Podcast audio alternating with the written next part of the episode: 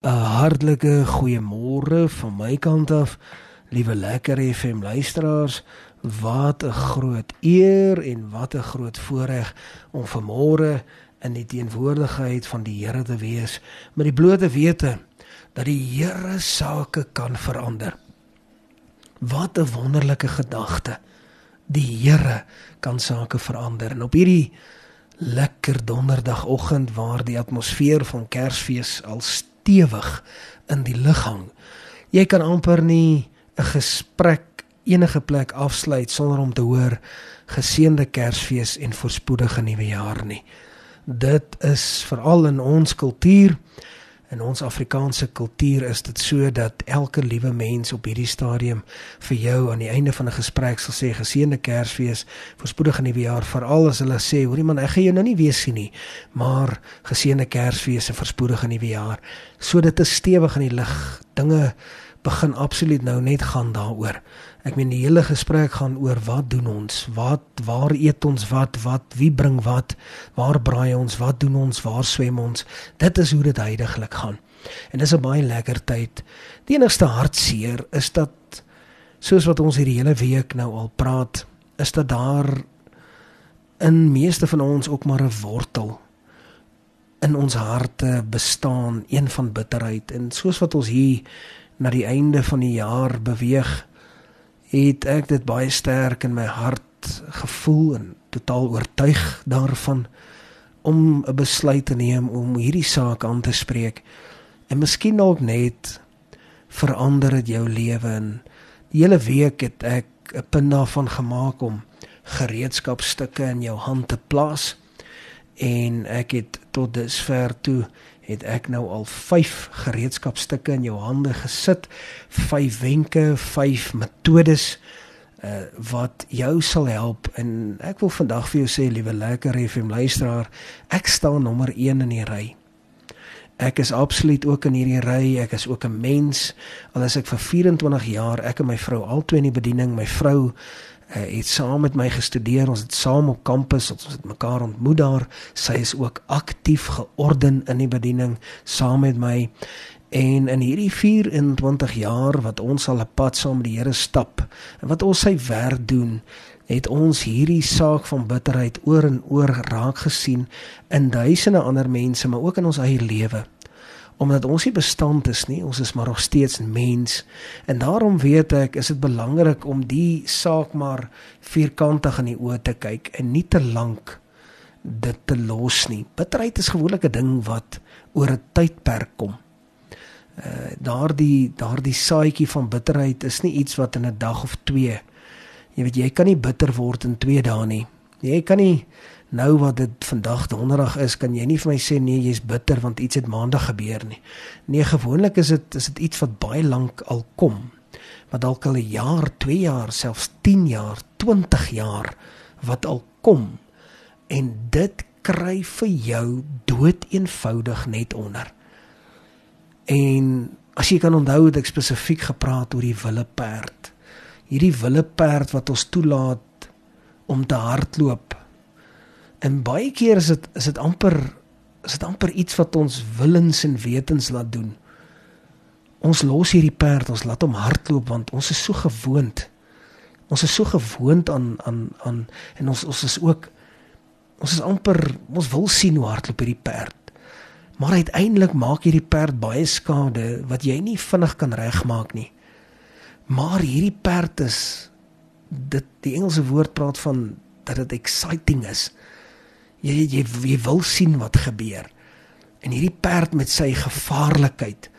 Jy weet, is is iets wat is iets wat jy jy wil hom sien, maar maar jy weet dat hy baie skade kan maak want ons ken wille perde. En jy het al gesien wille perde kan mense doodmaak. Wille perde kan mense vir ewig seermaak, verlam van die nek af onder toe verlam. En en dan is hulle lewe onherroepelik verander vir ewig tot die dag wat hulle sterwe. Dis wat 'n wille perd doen. En 'n wille perd van bitterheid is iets wat posvat en wat baie baie skade maak.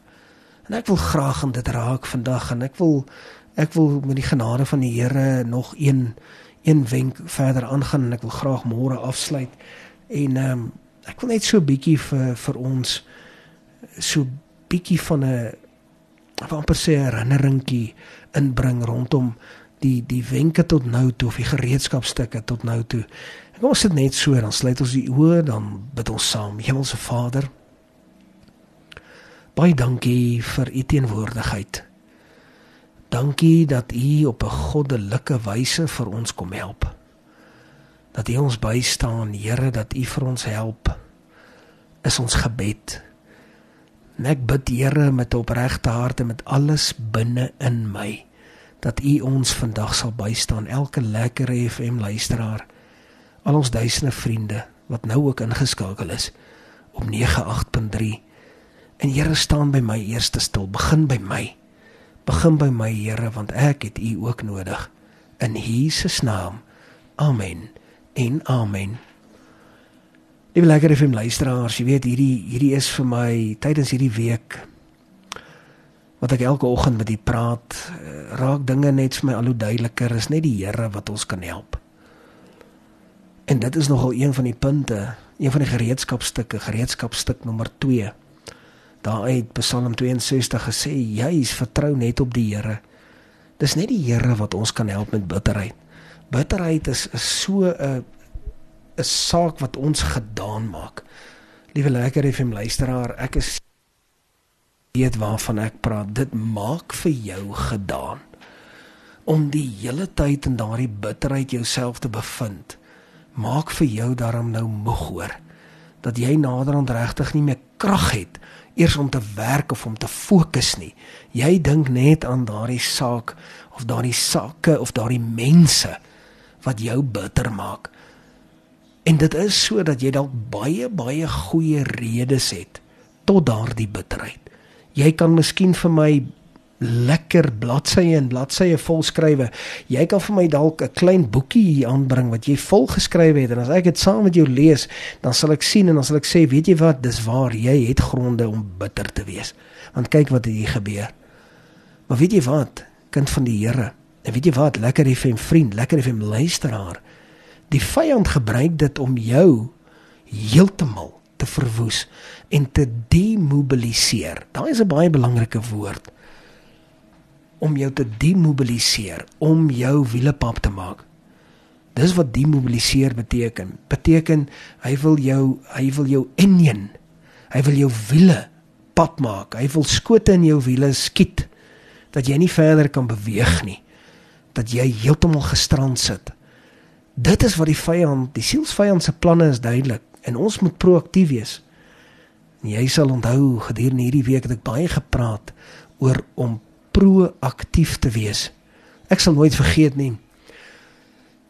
Die beste wyse waarop proaktiwiteit in my lewe absoluut sinlik begin raak het was en ek het ook al baie in my bediening hieroor gepraat want snaaks genoeg die saak het het seker homself se 10 jaar terug 9 jaar terug afgespeel en het ek uiteindelik besef wat dit beteken nou die die basiese gedagte van proaktief en reaktief is mos maar net soos wat 'n sekuriteitsmaatskappy vir jou gewapende reaksie uitstuur. Dit beteken mos as 'n alarm eers afgegaan het, dan kom hulle uit. So die probleem het eers ontstaan, dan reaktief kom hulle uit.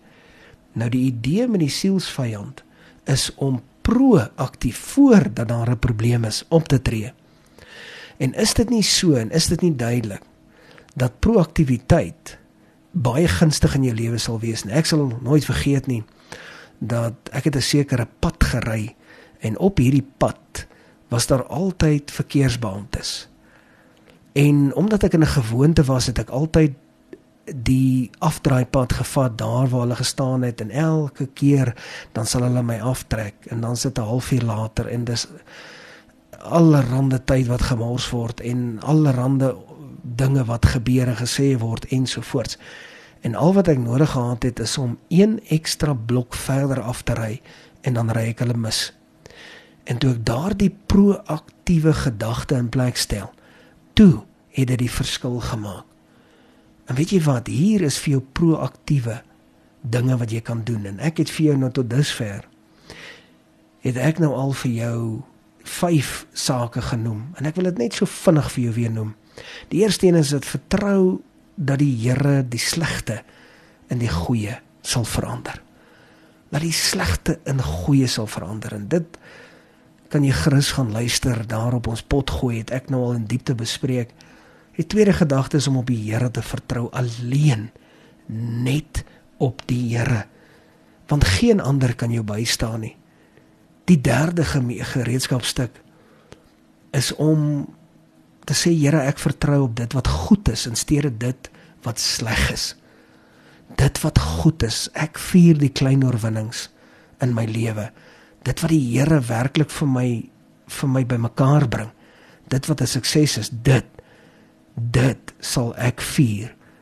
En dan die die vierde gedagte is om te bid vir die saak en dit is sekerlik een van die moeilikste dinge. Bitterheid is nie maklik nie. Maar dis 'n goeie gereedskapstuk om te bid vir die saak. En ek weet dit is moeilik, maar om te sê Here, U wil, laat U wil geskied. En dan die vyfde gereedskapstuk gaan oor die duiwel wat 'n plan het teen jou. Hy het 'n hy het definitief ek wil amper sê hy het 'n hy het, hy het, 'n plan wat uitgestipuleer is. Hy het 'n werksplan. Jy weet hy hy het 'n 'n 'n 'n 'n lys wat hy moet doen en daardie lys jou naam staan op geskrywe. En daarom moet jy proaktief teenoor dit opstaan.